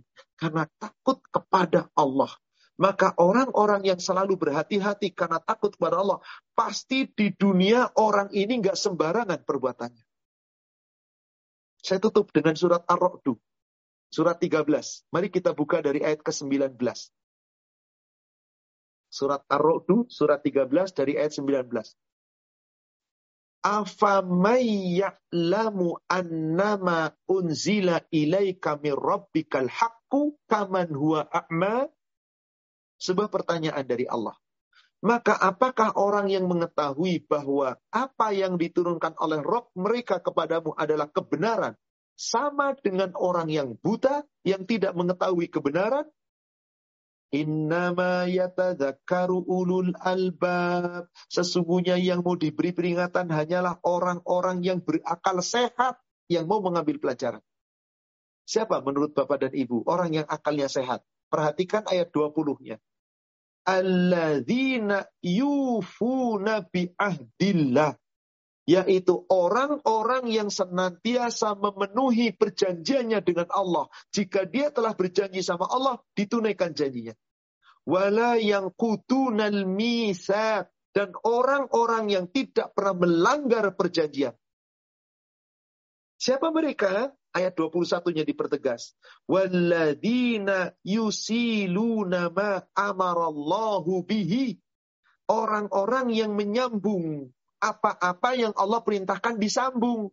Selalu menyambung silaturahim, perbuatan yang baik. Ayyusala dan senantiasa tidak memutus. Jadi dia selalu memerintahkan untuk menyambung silaturahim. Dan terus menyambung silaturahim. Kenapa? Karena dia adalah wayahsyauna rabbahum. Mereka adalah orang-orang yang paling takut kepada Rob mereka. Dan wayakhafuna al hisab. Mereka takut nanti di akhir dihisab dengan hisab yang buruk. Saudara sekalian, kita takut pada Allah. Itu menjadi hak Allah. Maka siapa yang menunaikan hak Allah di dunia ini, Allah akan penuhi hak kita nanti di akhirat. Tanpa kita memenuhi hak di dunia, gak mungkin Allah tunaikan haknya di akhirat. Maka di dalam hadis Qudsi yang diriwayatkan oleh Imam Al-Qabrani, di dalam kitab Al-Al-Ba'ir, dari Abdullah bin Abbas, semoga Allah meridhoinya. Qala Rasulullah sallallahu alaihi wasallam, qala Allah Ta'ala. Allah Ta'ala berfirman, Lastu binadirin fi haqqi abdi hatta yang zuro fi haqqi. Aku sekali-kali nanti di akhir tidak pernah akan memenuhi hak hambaku selama hambaku belum memenuhi hakku. Allah punya hak. Maka dalam hadis riwayat Imam Muslim dari Mu'ad bin Jabal, saat itu Mu'ad bin Jabal membonceng Ufair, yakni keledai Rasulullah Sallallahu Alaihi Wasallam. Lalu Rasul bertanya kepada Mu'az, Ya Mu'ad, tadri ma haqqullahu 'alal ibad wa haqqullah wa haqqul ibadu 'ala Allah. Hai Mu'ad, tahukah kamu apa itu hak Allah terhadap hamba dan apa itu hak hamba terhadap Allah? Mu'az cuma menjawab, Allahu wa rasuluhu a'lam. Allah dan Rasulnya yang lebih tahu. Maka Rasul sendiri yang menjawab pertanyaannya beliau. Ya Mu'az, haqqullahu 'alal ibad ta'budullah wa la tusyriku bihi syai'ah. Hak Allah terhadap hambanya adalah hamba itu wajib ibadah kepada Allah dengan penuh rasa takut kepada Allah, jangan menyekutukan sesuatu pun dengan Allah. Maka nanti di umid akhir, karena hamba telah menegakkan hak Allah, hakul ibadu Allah. Nanti ibad hamba mendapat hak dari Allah di akhirat. La yu'adzibhum. Allah tidak akan mengazab mereka. Allah tidak akan menyiksa mereka. Man la yusyriku bihi syai'ah. Selama hamba itu tidak pernah menyekutukan sesuatu pun dengan Allah. Siapa mereka? Orang yang takut sama Allah. Maka antara aman dan takut gak pernah bergabung menjadi satu. Dalam hadis yang lain, saya sebagai penutup saya sampaikan hadis kutsi dari Ibnu Mubarak dari riwayat Al Hasan. Nabi Shallallahu Alaihi Wasallam bersabda, Allah Ta'ala, Allah Ta'ala telah berfirman, La ajma'u ala abdi khawfaini wa la ajma'u lahu amnaini. Aku tidak pernah mengumpulkan, menggabungkan untuk hambaku dua rasa takut sekaligus dan aku tidak kumpulkan dua rasa aman sekaligus. Aku tidak kumpulkan atas hambaku dua rasa takut sekaligus, dua rasa aman sekaligus. Apa maksudnya? Dijelaskan kembali oleh Allah. Ida amanani fit dunya akhaftuhu yaumal qiyamah. Jika hambaku di dunia merasa aman dariku, maka akan aku jadikan rasa takut bagi hambaku nanti di hari kiamat. Wa idha khafani fit dunya amantuhu yaumal qiyamah. Sebaliknya jika hambaku itu merasa takut kepadaku di dunia, aku akan berikan rasa aman di akhirat. Jadi orang yang selalu punya rasa takut kepada Allah di dunia, aman di akhirat. Nggak bakal takut lagi. Tapi orang yang merasa aman di dunia, nggak pernah takut sama Allah, di akhirat nggak punya rasa aman. Yang ada rasa takut, takut, takut. Karena azab yang bertubi-tubi. Wallahu a'lam. Demikian, saudaraku seiman yang semoga dirahmati Allah. Hari ini kita khusus mentadaburi ayat-ayat tentang khasyah. Dan insya Allah masih kita lanjutkan tentang khos.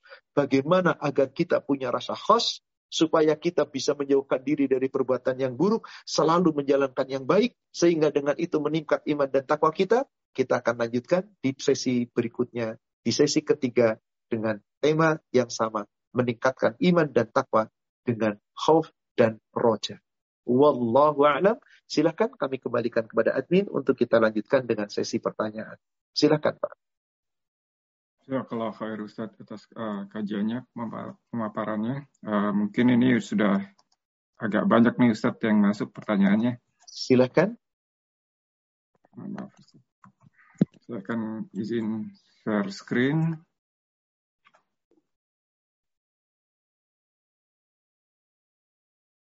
Ini kebetulan yang ini pertanyaannya kembali ke awal lagi nih Ustaz sepertinya ini terserah Ustadz mau dibahas secara mendasar lagi atau atau diminta untuk mendengarkan kajian sebelumnya. Ini pertanyaan ini saya pilih jadi pertanyaan pertama lagi nih Ustadz. Mohon Baik. maaf apabila sudah pernah dijelaskan, tapi apa bedanya antara khosyah dengan khauf? Ustaz? Baik. Mungkin tadi sepertinya supaya lebih jelas silakan bisa, tapi saya jawab setelah ikat. Khosyah itu adalah rasa takut yang wajib dimiliki seorang hamba kepada Allah. Itulah khos. Takut secara khusus yang wajib dengan ilmu, dengan pengetahuan, dengan iman. Itulah khasyah. Takut hanya kepada Allah. Sementara khauf itu rasa takut yang sifatnya umum.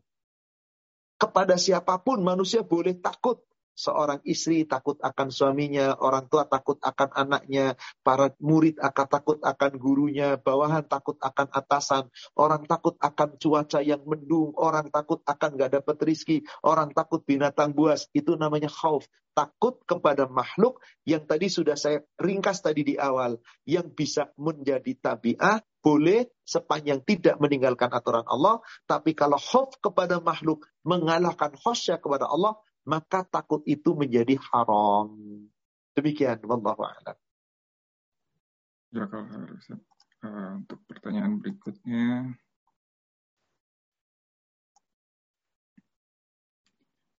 Assalamualaikum warahmatullahi wabarakatuh. Assalamualaikum. Semoga dan para jamaah selalu dalam rahmat Allah. Izin bertanya, apa yang akan terjadi bila seorang takut miskin sehingga tidak mengikuti perintah Allah? Bagaimana cara mengatasi berbagai kecemasan dan ketakutan? Ya kalau khair Ustaz. Takut miskin pada dasarnya khauf. Boleh. Tabiah, nggak ada manusia yang nggak takut miskin. Tapi karena dia takut miskin, kemudian dia berlaku syirik, datang ke dukun, datang ke ajengan, kemudian punya jimat, beramal amalan ini, itu, dan seterusnya, zikir-zikir yang ngawur, sampai dia meninggalkan aturan Allah, maka takut itu menjadi maksiat, takut itu menjadi haram, takut itu dosa. Karena rasa takutnya kepada keadaan miskin di dunia menyebabkan dia meninggalkan Allah. Orang seperti itu adalah orang yang imannya nggak kokoh. Imannya gampang terpleset. Seperti itulah Allah gambarkan. Sebagaimana Allah firmankan di surat Al-Hajj, surat 22 ayat 11. Nanti dilihat di ayat itu. Wa minan nasi ala. Dan di antara manusia ada yang dia menyembah Allah, dia ibadah sama Allah, tapi imannya nggak kokoh, bukan karena takut sama Allah. Tapi imannya cuma di tengah-tengah, di tepian, di pinggiran. Gak sempurna. Kenapa? Dia ibadah itu karena pengen dunia. Maka ketika Allah timpahkan kepada musibah, musibah yang baik, jadi apa? Apabila Allah berikan kepadanya, yakni asobathu khairun, asobahu khairun, dikasih nikmat yang baik, musibah yang baik, atma'an nabi. Dia tetap dalam keadaan itu. Wa in asobathu fitnatun, tapi kalau ditimpa kesulitan, kemelaratan, kesusahan, kemiskinan, anqalaba ala wajib. Dia berpaling ke belakang. Dia nggak lagi ibadah kepada Allah. Maka siapa yang rugi? Allah katakan di situ, khosirat dunia wan akhirah. Yang rugi manusia. Karena dia nggak takut sama Allah. Dia hanya takut dengan kemiskinan. Tapi dia tinggalkan Allah. Rugi dunia akhirat. Zalika huwal khusranul mubin. Itulah orang yang paling nyata ruginya. Pertanyaan kedua, lalu gimana Ustaz? Supaya kita bisa tetap tenang menghadapi senegala apa pun permasalahan. Caranya bagaimana? Takut kepada Allah tadi. Gak usah takut dengan kecemasan dunia. Maka berulang-ulang tadi kan, jangan takut sama setan, jangan takut sama makhluk, jangan takut sama orang kafir, jangan takut sama keadaan, takutlah kepada Allah. Bagaimana mungkin kita bisa cemas kalau kita sandarkan semuanya kepada Allah? Berarti ada salah satu yang wajib kita miliki. Tawakal Allah. Apa pun yang menimpa kita, kuncinya satu. Tawakal pada Allah. Yakin Allah yang nolong kita. Lihat surat 9. Surat At-Taubah ayat 51. Qul, katakanlah. La yusibana illa ma kataballahu lana tidak pernah akan ada sesuatu bencana, suatu kesulitan, suatu kesusahan menimpa kami. Gak usah takut. Illa ma kataballahu lana. Semua musibah, bencana, kesulitan, kesusahan yang menimpa kami adalah sesuai apa yang Allah tetapkan pada kami. Tapi ingat, saat terjadi seperti itu, larinya jangan ke mana-mana. Huwa maulana. Dialah Allah penolong kami. Dialah Allah pelindung kami wa 'alallah falyatawakkalil mu'minun. Maka semua urusan manusia, sesulit apa pun, sesusah apa pun, pengen tenang, tawakal kepada Allah dan tetap minta pertolongan kepada Allah. Tenang insya Allah hati ini. Demikian wallahu a'lam. Ya kalau untuk pertanyaan berikutnya Assalamualaikum Ustadz. Semoga Ustadz dan keluarga selalu dalam Allah. Ustadz, bagaimana jika seorang istri takut kepada perceraian karena takut akan fitnah dan terbukanya pintu dosa saat terjadi perceraian? Dan juga takut mengambil keputusan yang salah karena takut perceraian adalah hal yang dibenci oleh Allah. Dan juga syaitan sangat senang dengan perpisahan. Sedangkan suami sudah minta berpisah dan sudah tidak menganggap istri. Bagaimana Ustadz? Ya kalau khair. Betul salah satu yang dibenci Allah tapi halal adalah perceraian. Maka di dalam Islam perceraian itu selalu jalan paling akhir. Tapi akan menjadi jalan pertama kewajiban jika ada alasan syar'i. Ketika pasangannya murtad keluar dari Islam, maka si muslim wajib minta cerai. Gak ada jalan lain. Ketika pasangannya itu telah bermaksiat kepada Allah, meninggalkan sholat total, berzina dengan wanita lain, atau yang wanita berzina dengan laki-laki lain, maka perceraian itu mutlak Tapi kalau masalahnya itu masalah duniawi, takut miskin, takut gak dapat harta, dan seterusnya, maka sesungguhnya harus segera minta pertolongan kepada Allah. Dan yang bisa menyelesaikan masalah rumah tangga itu semuanya Allah. Tapi ingat ini dengan ini, dengan hati, dengan ikhlas. Suami harus ikhlas, istri harus ikhlas. Betul, setan itu paling suka. Maka salah satu kerja terbesar setan adalah ketika bisa menceraikan dua suami istri. Itu karya terbesarnya setan laknatullah. Dipuji oleh rajanya setan iblis yang singgasananya di permukaan air. Lalu bagaimana ketika seorang istri takut akan perceraian? Wajar. Takut akan diceraikan suaminya? Wajar. Kalau disuamikan nanti jadi aib, jadi gunjingan? Wajar. Belum lagi nanti nggak ada yang menafkahi? Wajar. Tapi andai kata memang sampai terjadi perceraian, Jangan takut. Takutlah kepada Allah, bersandarlah kepada Allah. Yang ngasih rizki bukan suami kok, Allah kok. Tapi kan lewat suami, Ustadz. Betul, ketika Anda bercerai, Allah menyatakan bahkan khusus dalam surat yang disebut surat perceraian. Atolak kok. Coba nanti dibuka surat Atolak. Dari ayat 1, ayat 2. Di ujung ayat, apabila ternyata memang terjadi perceraian, yang penting yang bercerai punya takwa, tawakal. Wa mayyattaqillah. Siapa yang tetap bertakwa kepada Allah meskipun sampai terjadi perceraian, yaj'allahu makhraja. Allah akan berikan untuknya segala persoalan serubit apa pun ada jalan keluar. Min dan Allah akan memberikan rizki dari tempat yang tidak pernah Anda duga. Wa Allah fahuwa hasbuh. Dan siapa yang betul-betul tawakal kepada Allah, Allah akan mencukupi seluruh kebutuhannya. Itu di ayat 2 tentang perceraian paling ujung seperti itu. Bu. Gak usah takut. Kalau Anda masih takut kepada perceraian pada suami, berarti belum sempurna takutnya kepada Allah. Mari beristighfar, minta kepada Allah, beristikharah, minta kekuatan. Andai kata memang suami sudah menceraikan, ya sudah ya Allah, Aku sudah tidak dibutuhkan suamiku lagi. Ya Allah, jadikan jalan keluar yang terbaik untukku, ya Allah. Jadikan perceraian itu adalah kebaikan bagiku, ya Allah. Berikan yang terbaik sebagai ganti, ya Allah. Mungkin diganti bukan dari sisi materi, bisa dari suami yang baru. Kalau bukan dari suami, nanti anak-anak yang lebih baik lagi. Kalau anak-anaknya belum, mungkin dari materi yang lain. Kalau tahu tidak, dari akidah, dari keimanan, dari kesabaran, dari ketakwaan. Gak ada sesuatu kejadian kecuali pasti ada hikmahnya. Boleh jadi tidak baik menurut Anda, tapi itu baik di sisi Allah. Boleh jadi kamu mencintai sesuatu, tapi itu buruk di sisi Allah. Wallahu ya'lamu wa antum la ta'lamun. Allah yang lebih mengetahui, sementara kamu tidak tahu. Wallahualam. Silakan nanti penanya lihat baik-baik surat At-Talaq dari ayat 1, ayat 2 sampai ayat 3 silakan dibaca. Jaminan Allah bagi orang yang bercerai pasti Allah akan berikan yang terbaik. Silakan berikutnya. Ya kalau harus untuk pertanyaan berikutnya ini sebenarnya ada dua pertanyaan tapi uh, kami gabung. Bismillah izin bertanya Ustadz. Yang pertanyaan ini pertanyaan pertama apa hukumnya bila takut pada aturan orang tua yang ada kalanya terlalu disiplin?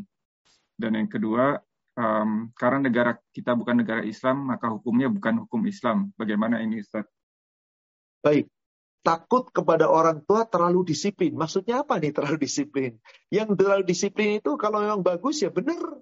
Wah orang tua saya disiplin banget, nggak boleh pulang lebih dari jam 7 malam. Terlalu disiplin. Loh ini bagus. Ini aturan Islam. Orang tua saya disiplin banget, saya harus sholat selalu ke masjid lima waktu. Ini bagus. Saya harus disiplin, bangun subuh itu harus selalu pagi. Ini luar biasa.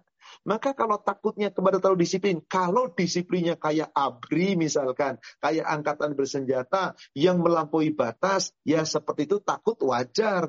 Duh orang tua saya tuh strict banget, terlalu disiplin banget. Sepanjang terlalu disiplinnya itu tidak sampai melanggar aturan Allah, jalankan. Tapi kalau terlalu disiplin sampai kemudian melanggar aturan Allah, ah ini tidak boleh.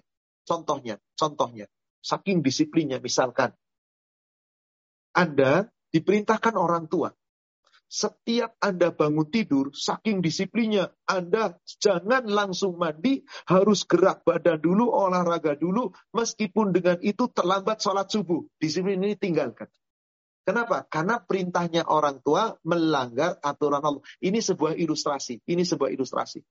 Harus disiplin. Pokoknya setiap makan harus minum dua gelas. Nanti siang dua gelas. Kalau kurang gak boleh dipaksa. Maka yang seperti ini nggak perlu kita taati. Kita sampaikan kepada orang tua. Jadi intinya seandainya disiplin itu masih wajar, taati. Tapi kalau disiplin itu sudah keluar dari batas kewajaran, ya sudah tidak perlu ditaati. Berdusta di belakang orang tua, hak insya Allah. Andai kata kedisiplinan itu menyalahi aturan-aturan agama. Kedua, Ustadz, kita timbul kita berada di negara kafir atau negara non-muslim. Hukumnya tidak dengan hukum Islam. Bagaimana? Penegak hukum adalah amir, bukan rakyat. Rakyat itu menjalankan. Katakanlah contoh, di negara Islam, apalagi di zaman Rasul dan sampai sekarang negara Islam, yang namanya pencuri dipotong tangan, pasti. Yang namanya peminum pemabuk dicambuk 80 kali cambukan. Yang namanya pezina dicambuk seratus kali cambukan. Jika dia sudah pernah menikah, dirajam sampai mati. Yang namanya orang membunuh pasti dikisos bunuh kembali. Seterusnya hukum Islam tegak. Tapi tidak dijalankan di negara. Jangankan negara-negara yang kafir, negara Islam ada yang tidak menjalankan seperti itu. Lalu bagaimana ini? Andai kata demikian, rakyat itu tidak menjalankan, tidak menegakkan. Rakyat itu mengikuti aturan.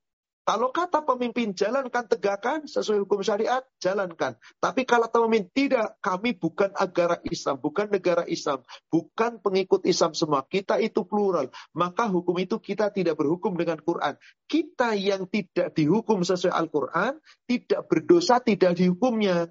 Tapi perbuatan haramnya berdosa. Tobatlah kepada Allah si penegak hukum para pemimpin itu yang nanti dimintai tanggung jawab karena mereka tidak berhukum dengan hukum Allah. Berarti mereka nggak takut sama Allah. Contoh sederhananya begini. Si Fulan, si A, si Fulan ini namanya Fulan A, mencuri. Curi si Fulan sadar. Mencuri itu surat 5 ayat 38, potong tangan. Dia sadar, potong tangan. Tapi pemerintah mengatakan penjara tiga bulan. Maka si pencuri, dia tidak dipotong tangannya, tidak dosa. Lalu dia di penjara tiga bulan, itu aturan pemerintah. Yang pemerintah menetapkan penjara tiga bulan, tanggung jawab di hadapan Allah. Nah si pencuri dosanya adalah dosa mencuri. Bertobatlah kepada Allah. Tapi kalau di zaman Rasul yang namanya pencuri, dia pasti dipotong tangannya. Setelah dipotong tangan baru disuruh tobat. Begitu kira-kira. Wallahu a'lam. Jadi penegak hukum itu adalah amir. Sementara rakyat menjalankan keputusan dari penegak hukum. Penegak hukum katakan A, jalankan A. B, jalankan B. Menyimpang dari Al-Quran bukan lagi tanggung jawab rakyat, tapi tanggung jawab si penegak hukum. Demikian Allah a'lam. Ya, kalau Her, Pertanyaan berikutnya. Assalamualaikum warahmatullahi wabarakatuh. Afwan Ustaz, bagaimana cara menempatkan khauf yang dengan tepat agar tidak masuk ke dalam berprasangka buruk kepada Allah dalam ketetapannya? Berarti khauf yang tepat itu adalah ketika seseorang punya rasa takut kepada makhluk, kepada keadaan, kepada sifat, kita langsung kembalinya kepada Allah. Contoh, saya khauf nih, saya lagi bisnis, saya takut, saya khauf nanti rugi. Pas lagi sekarang nih bisnisnya lagi kurang lancar nih. Pas gak cocok nih bisnis saya ini. Aduh, padahal udah gede modal saya keluar. Jangan-jangan saya bangkrut. Ini khauf. Khauf seperti itu, persangkaan seperti itu boleh, tidak mengapa. Tapi larinya kepada Allah. Ya Allah, berikan aku yang terbaik. Ya Allah, jadikan usahaku lancar. Ya Allah, berikan rizki yang halal dan barokah. Minta, minta, minta sama Allah. Sehingga apa? Rasa khaufnya akan suatu kerugian dari bisnis, kita tidak sampai meninggalkan aturan Allah. Terus kita berharap kepada Allah. Maka khauf akan kemiskinan seperti ini wajar. Kenapa? Dia tidak sampai meninggalkan Allah. Tapi kalau akibat kemiskinan dia meninggalkan Allah, maka terasa takutnya kepada miskin, saking dia takut kepada miskin, sehingga pontang-panting mencari dunia, lalu dia tinggalkan Allah, maka dia hauf kepada makhluk yang akhirnya menjadi maksiat, dosa. Sebab dengan haufnya kepada makhluk, ternyata menyelisihi Allah. Seperti tadi yang saya sampaikan, surat 22 ayat 11. Mereka akan meninggalkan Allah di saat dia miskin. Lalu dia tidak lagi takut kepada Allah, tapi takut kepada kemiskinan. Maka sibuk dengan dunianya, lalu dia tinggalkan aturan Allah. Maka khaufnya kepada makhluk berlebihan itu tidak boleh. Maka Allah cuma katakan, takhofuni wala takhofuhum. Takutlah kamu hanya kepadaku, jangan takut kepada mereka. Kalau Anda sudah takutnya hanya kepada Allah, tidak lagi takut kepada selain Allah, maka khauf itu berbuah menjadi khosyiyah. Hanya takut kepada Allah. Wallahu a'lam. Ya, Untuk pertanyaan berikutnya, ini sepertinya agak buat kesimpulan nanti akhir kajian nih Ustaz. Assalamualaikum warahmatullahi wabarakatuh. Bismillah. Afwan Ustaz. Rasanya iman, tauhid juga ibadah saya yang jauh dari kualitas mukmin, apalagi karena masalah penyakit hati yang tiap detiknya selalu menjadi tambahan dosa lagi. Mohon cara menyeimbangkan khauf dan roja dalam tiap detiknya agar ketakutan yang ada ini bisa menjadi hal yang baik, bukan menjadi bumerang bagi saya. Insya Allah ini nanti akan saya uraikan di pertemuan berikutnya. Insya Allah ini akan saya uraikan di pertemuan berikutnya. Yakni pertemuan ketika kita akan membahas tentang rasa khasyah yang betul-betul kepada Allah. Gimana supaya kita bisa jaga terus. Sehingga dengan itu kita rasa takutnya terpelihara. Khosyanya terus menerus. Nanti ada yang namanya tingkatan iman, cabang iman yang wajib kita miliki, kita pertahankan. Di antaranya adalah al-haya, punya rasa malu. Maka orang yang punya rasa malu, insya Allah akan selalu menjaga diri. Berhati-hati tadi, nggak akan berbuat. Karena sadar bahwa dia diawasi oleh Allah. Mudah-mudahan penanya mengikuti kajian di pertemuan yang akan datang. Maka jawaban itu insya Allah akan terjawab. Tapi memang demikianlah manusia. Gak ada manusia berani mengatakan, saya ibadahnya sudah sempurna, saya ibadahnya sudah ikhlas, saya ibadahnya sudah baik, saya sudah sempurna, sepertinya sudah takut sama Allah. Gak ada manusia seperti itu. Sombong manusia seperti itu. Jangankan kita, Nabi dan para sahabat gak pernah mengatakan begitu. Tapi kita terus seakan-akan ibadah kita belum cukup. Makanya tadi, antara khauf dan roja itu digabung. Khauf, roja, rasa takut dan pengharapan. Rasa takut dan pengharapan. Insya Allah nanti sesi berikutnya, saya masih membahas tentang khasyah. Lalu bagaimana caranya agar betul-betul khasyah. Baru setelah itu nanti sesi berikutnya kita akan membahas tentang roja. Insya Allah. Semoga kita bisa mengikuti kajian untuk seri berikutnya. Wallahu a'lam. Amin. Pertanyaan berikutnya Ustaz, ini contoh yang tadi Ustaz sebutkan tentang sahabat Umar bin Khattab yang diberikan hidayah untuk takut kepada Allah. Tadi yang surat Toha ya Ustaz ya. Surat Toha dari ayat 1 sampai 5. Bagaimana kita bisa mendapat hidayah seperti itu dari Allah agar kita bisa seperti Umar bin Khattab dari nol menjadi sangat soleh Ustaz? Yang perlu kita ketahui, saudara sekalian, hidayah itu terbagi menjadi dua. Ada hidayah taufik. Hidayah taufik itu urusan Allah. Gak ada yang bisa ngatur. Amru bin Al-As masuk Islam. Umar bin Khattab masuk Islam. Abu Sufyan masuk Islam. Khalid bin Walid masuk Islam. Dan banyak orang-orang yang tadinya kafir masuk Islam. Itu hampir rata-rata hidayah taufik dari Allah. Yang langsung Allah berikan ke dalam hatinya. Tanpa ada usaha.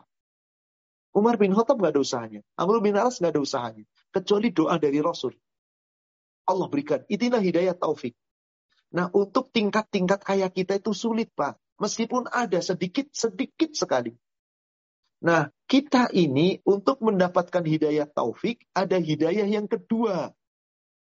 Hidayah yang harus kita cari, hidayah yang kita raih, hidayah yang kita kejar.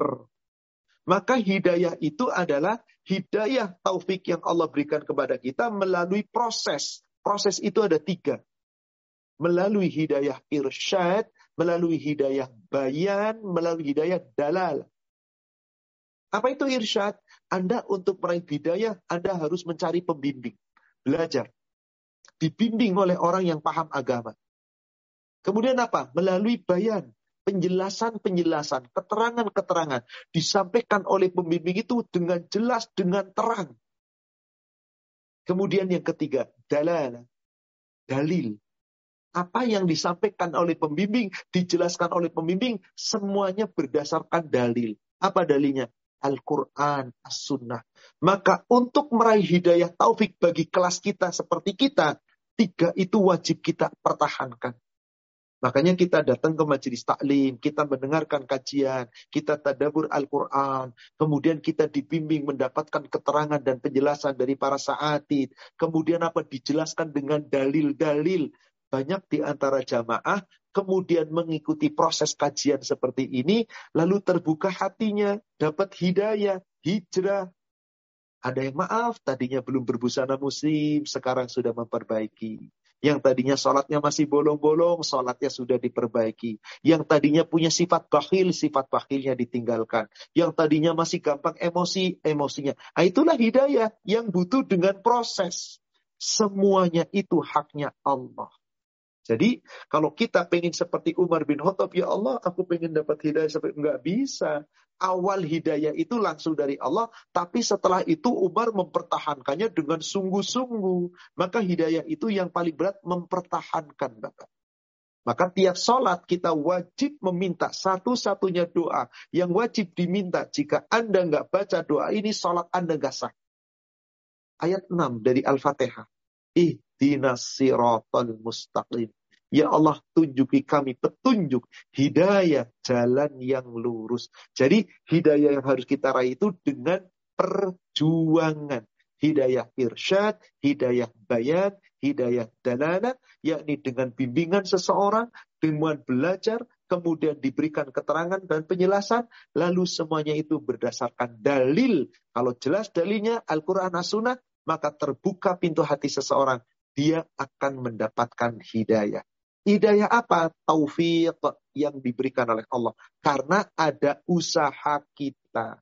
Demikian. Wallahu Ya kalau ya Ustaz.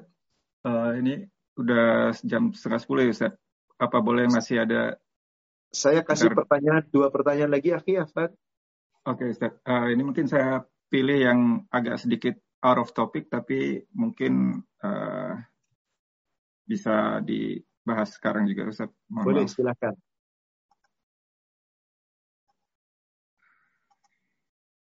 Yang pertama, yang ini Ustaz. Ini kan kita sekarang di bulan Sa'ban ya Ustaz ya. Betul, Bismillah Pak Ustaz. bulan.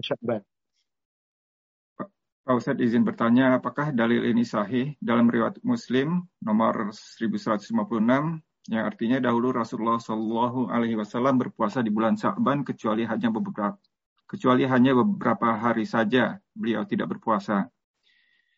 Jika benar, bolehkah kita memperbanyak puasa sunnah dengan niat agar diampuni dosa-dosa terdahulu? Jazakumullah khairan Pak Ustaz dan tim selenggara. Dalam hadis riwayat Imam Muslim dari Ummul Muminin Aisyah diceritakan bahwasanya tidaklah aku melihat Rasulullah saum selama satu bulan penuh kecuali di bulan Ramadan. Tidaklah aku melihat Rasul yang paling banyak puasa sunnah kecuali di bulan Syakban. Jadi betul Rasul itu memperbanyak saum sunnah di bulan Syakban. Tapi saum sunnah yang mana yang ditetapkan? Beliau nggak pernah meninggalkan ayamul bidnya. Beliau nggak pernah meninggalkan Senin Kemisnya. Beliau selalu puasa di bulan Syakban itu saum sunnahnya. Maka memperbanyak saum di bulan Syakban itu bagus. Tapi bukan berarti hari-hari tertentu kita boleh puasa banyak-banyaknya. Sebanyak-banyaknya berarti saum Daud. 15 hari. Tapi ingat, kita bukan umatnya Nabi Daud. Kita itu umat Nabi Muhammad. Sementara Nabi Muhammad sendiri nggak pernah saum Daud. Saum Daud Rasulullah perintahkan hanya kepada sahabat yang namanya Abdullah bin Amru bin Al-As. Karena Abdullah bin Amru bin Al-As ingin puasa setiap hari. Rasul kasih tawaran, udah cukup tiga hari aja ayamul bait. Saya mampu ya Rasul. Kalau begitu sehari puasa, dua hari buka. Jadi sepuluh hari totalnya. Saya mampu ya Rasulullah. Kalau gitu sehari puasa, dua hari buka. Itulah yang paling seimbang bagimu. Itulah puasanya Nabi Daud. Maka karena kita umatnya Rasulullah, mari ikuti Rasul. Anda perbanyak saum di bulan Syakban. Jangan sampai Anda meninggalkan saum sunnah di bulan Syakban. Apa itu? Senin Kemis jangan ditinggalkan ayamul bait jangan ditinggalkan. Adapun saum-saum yang dicontohkan oleh Rasulullah selain itu nggak ada. Nanti kalau ada broadcast, kalau ada uh, imbauan di bulan Sya'ban, saum ini, ini, itu, dan di ini, dan seterusnya, ibadah ini, hampir-hampir semua dalil-dalil tentang itu nggak pernah disampaikan dengan jelas. Siapa riwayatnya, sumbernya apa, paling cuma disebutkan dari kitab anu, tanpa jelas sumbernya nanti di tengah bulan Sa'ban begini-begini. Sama seperti kemarin rojab. Maka jika kita mendapatkan keterangan itu tanpa ada dalil yang sahih, riwayatnya siapa, sumbernya apa, dari kitab apa, nggak perlu kita menjalankan. Intinya ibadah di kita di bulan Syaban sama seperti di bulan-bulan lain, tapi Rasulullah tidak pernah meninggalkan saum sunnahnya di bulan Syaban itu. Sehingga Aisyah mengabarkan, tidak pernah aku melihat Rasul saum lebih banyak harinya dibandingkan di bulan Sya'ban. Karena qadarullah, Rasul sering di bulan Sya'ban itu menetap di Madinah. Sementara bulan lain, Syawal, kemudian bulan-bulan uh, Zulqa'dah, Zulhijjah itu sering Rasulullah keluar. Penaklukan kota Mekah di bulan Ramadan. Pulang baru bulan Syawal. Rasulullah umroh empat kali. Uh, umroh dari Madinah ke Mekah di bulan Zulqa'dah. Pulang baru di bulan Zulhijjah. Di tahun ke-9 Zulqa'dah berangkat, Zulhijjah sudah pulang. Jadi paling banyak Rasulullah di tempat itu pulang daripada dakwah dan yang lainnya di bulan Syakban. Maka ada riwayat Imam Muslim dari Ummul Mukminin Aisyah, aku pernah punya hutang selama satu pekan selama Ramadan karena aku haid. Aku belum mengkodok kecuali di bulan Syakban ketika pulang dari perjalanan bersama Rasul, karena kesibukan selama tahun itu, Rasul banyak dakwah keluar, berperang keluar, dan Aisyah sering mengikuti. Baru dibayar lunas di bulan Syakban. Demikian, Wallahu a'lam. Afwan Ustaz, mungkin tadi pertanyaannya saya bacanya agak kurang jelas. Tadi yang ditanyakan juga, apakah boleh dengan niat agar diampuni dosa-dosa terdahulu Ustaz? Jadi selain banyaknya. Bapak Ibu, yang namanya kita niat puasa, bismillah lillah. Adapun kemudian kita minta supaya Allah ampuni dosa yang lalu, taubat. Dan setiap perbuatan baik kita, ibadah-ibadah sunnah, itu secara tidak langsung menggugurkan dosa-dosa. Allah janji, apa pun perbuatan baik kita. Jadi nggak perlu kita niatkan, saya niat puasa sunnah untuk menggugurkan dosa. Jangan. Saya puasa sunnah mengikuti contoh Rasul. Tapi otomatis dengan perbuatan baik kita, yang mengiringi ibadah wajib kita itu menggugurkan dosa-dosa kita otomatis tanpa diniatkan puasa sunnah untuk menggugurkan dosa. Karena nggak ada riwayatnya puasa sunnah untuk menggugurkan dosa. Tapi puasa sunnah kita itu perbuatan baik. Allah janji setiap perbuatan baik. Puasa sunnah kita, sodako sunnah kita, sholat sunnah kita, apa pun kebaikan menggugurkan dosa-dosa. Itu peringatan Allah. Silakan nanti penanya lihat di surat 11. Surat 11 surat Hud ayat 114. Aqimis sholat torofayin nahar wa minal lain. Dirikanlah sholat di ketipa waktu tepi pagi. Yang ini siang dan petang. Subuh, zuhur, asar. Wa zulafan minal lain. Dan di permulaan awal malam. Maghrib, isya. Sholat waktu itu jangan ditinggalkan. Tambahkan sholat-sholat sunnah. Ibadah-ibadah sunnah. Perbuatan-perbuatan baik. Maka kata Allah, innal hasanat yudhib nasayyi'ah. Sesungguhnya perbuatan-perbuatan baikmu menggugurkan dosa-dosamu. Otomatis. Jadi nggak perlu kita niatkan saya niat puasa sunnah syaban untuk menggugurkan dosa-dosa. Tidak. Bismillah, saya puasa karena Allah. Jaminannya apa? Dalam hadis riwayat Imam Muslim dari Muaz bin Jabal, juga dari Abu Hurairah. Man soma yauman fi sabilillah. Barang siapa yang berpuasa sunnah satu hari di jalan Allah karena Allah ba'atahu dengan itu dijauhkan dia wajhihi dari wajahnya minan nar dari api neraka sab'ina khalifah 70 tahun 70 musim dalam hadis lain. Jadi satu hari kita puasa sunnah semata-mata ikhlas karena Allah, maka akan dijauhkan kita dari azab neraka sebanyak 70 musim. Yang penting berarti kalau dijauhkan dari neraka apa? Diampuni dosa-dosa kita. Wallahu a'lam. Demikian. Ya kalau ini pertanyaan terakhir insya Allah Ustaz untuk malam ini. Uh, ini yang kita pilih Ustaz. Bismillahirrahmanirrahim. Ini Ustaz, uh, bunda kandung saya sudah mengikuti kajian sunnah. Sayangnya, karena sering melihat berita artis di media sosial, lalu beliau sering membicarakan tentang kehidupan mereka yang bergelimang harta dan aktivitas mewahnya. Walau beliau sering mengatakan bahwa sudah bersyukur dan merasa cukup dengan keadaan beliau sekarang, tapi di sisi lain Bunda sering sekali membahas soal harta ini. Jadi ini ada pertanyaan. Bagaimana cara mengingatkan Bunda agar tidak melihat berita-berita seperti itu? Karena khawatir Bunda sudah jadi tidak bahagia, kurang bersyukur dalam hati dan gundah. Sering kepikiran karena sering membaca berita kehidupan kaum yang kaya raya ini dan senang memamerkan kegiatan mahalnya di media sosial. Bagaimana mengingatkan Bunda bahwa lebih baik fokus saja pada akhirat dan lebih beruntung mempunyai anak-anak yang soleh dan takut kepada Allah walau tidak kaya raya yang kelak doanya akan menjadi penolong bagi orang tuanya di akhirat. Sementara banyaknya harta saja tidak menjadi prestasi apa apa-apa di akhirat kalau pemiliknya tidak menjalankan ketaatan kepada Allah dan masih melakukan berbagai hal yang di, yang Allah larang. Memang inilah dia faktor medsos luar biasa ada orang yang memang senang nonton seperti itu. Akhirnya gara-gara senang nonton ya jadi minimal komentar. Akhirnya menjadi tidak berguna. Pantas Rasulullah Shallallahu Alaihi Wasallam bersabda, min husni islamil mar'i tarkuhu ma la ya'ni.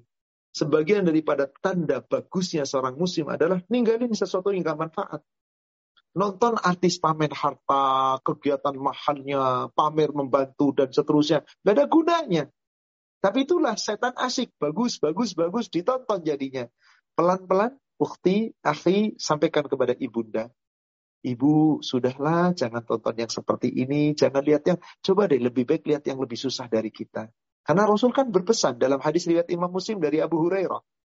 Unzuru ala man huwa asfali minkum, wa la tanzuru ala man huwa fauqakum fahuwa ajdaru alla tazdaru nikmatallahi alaikum.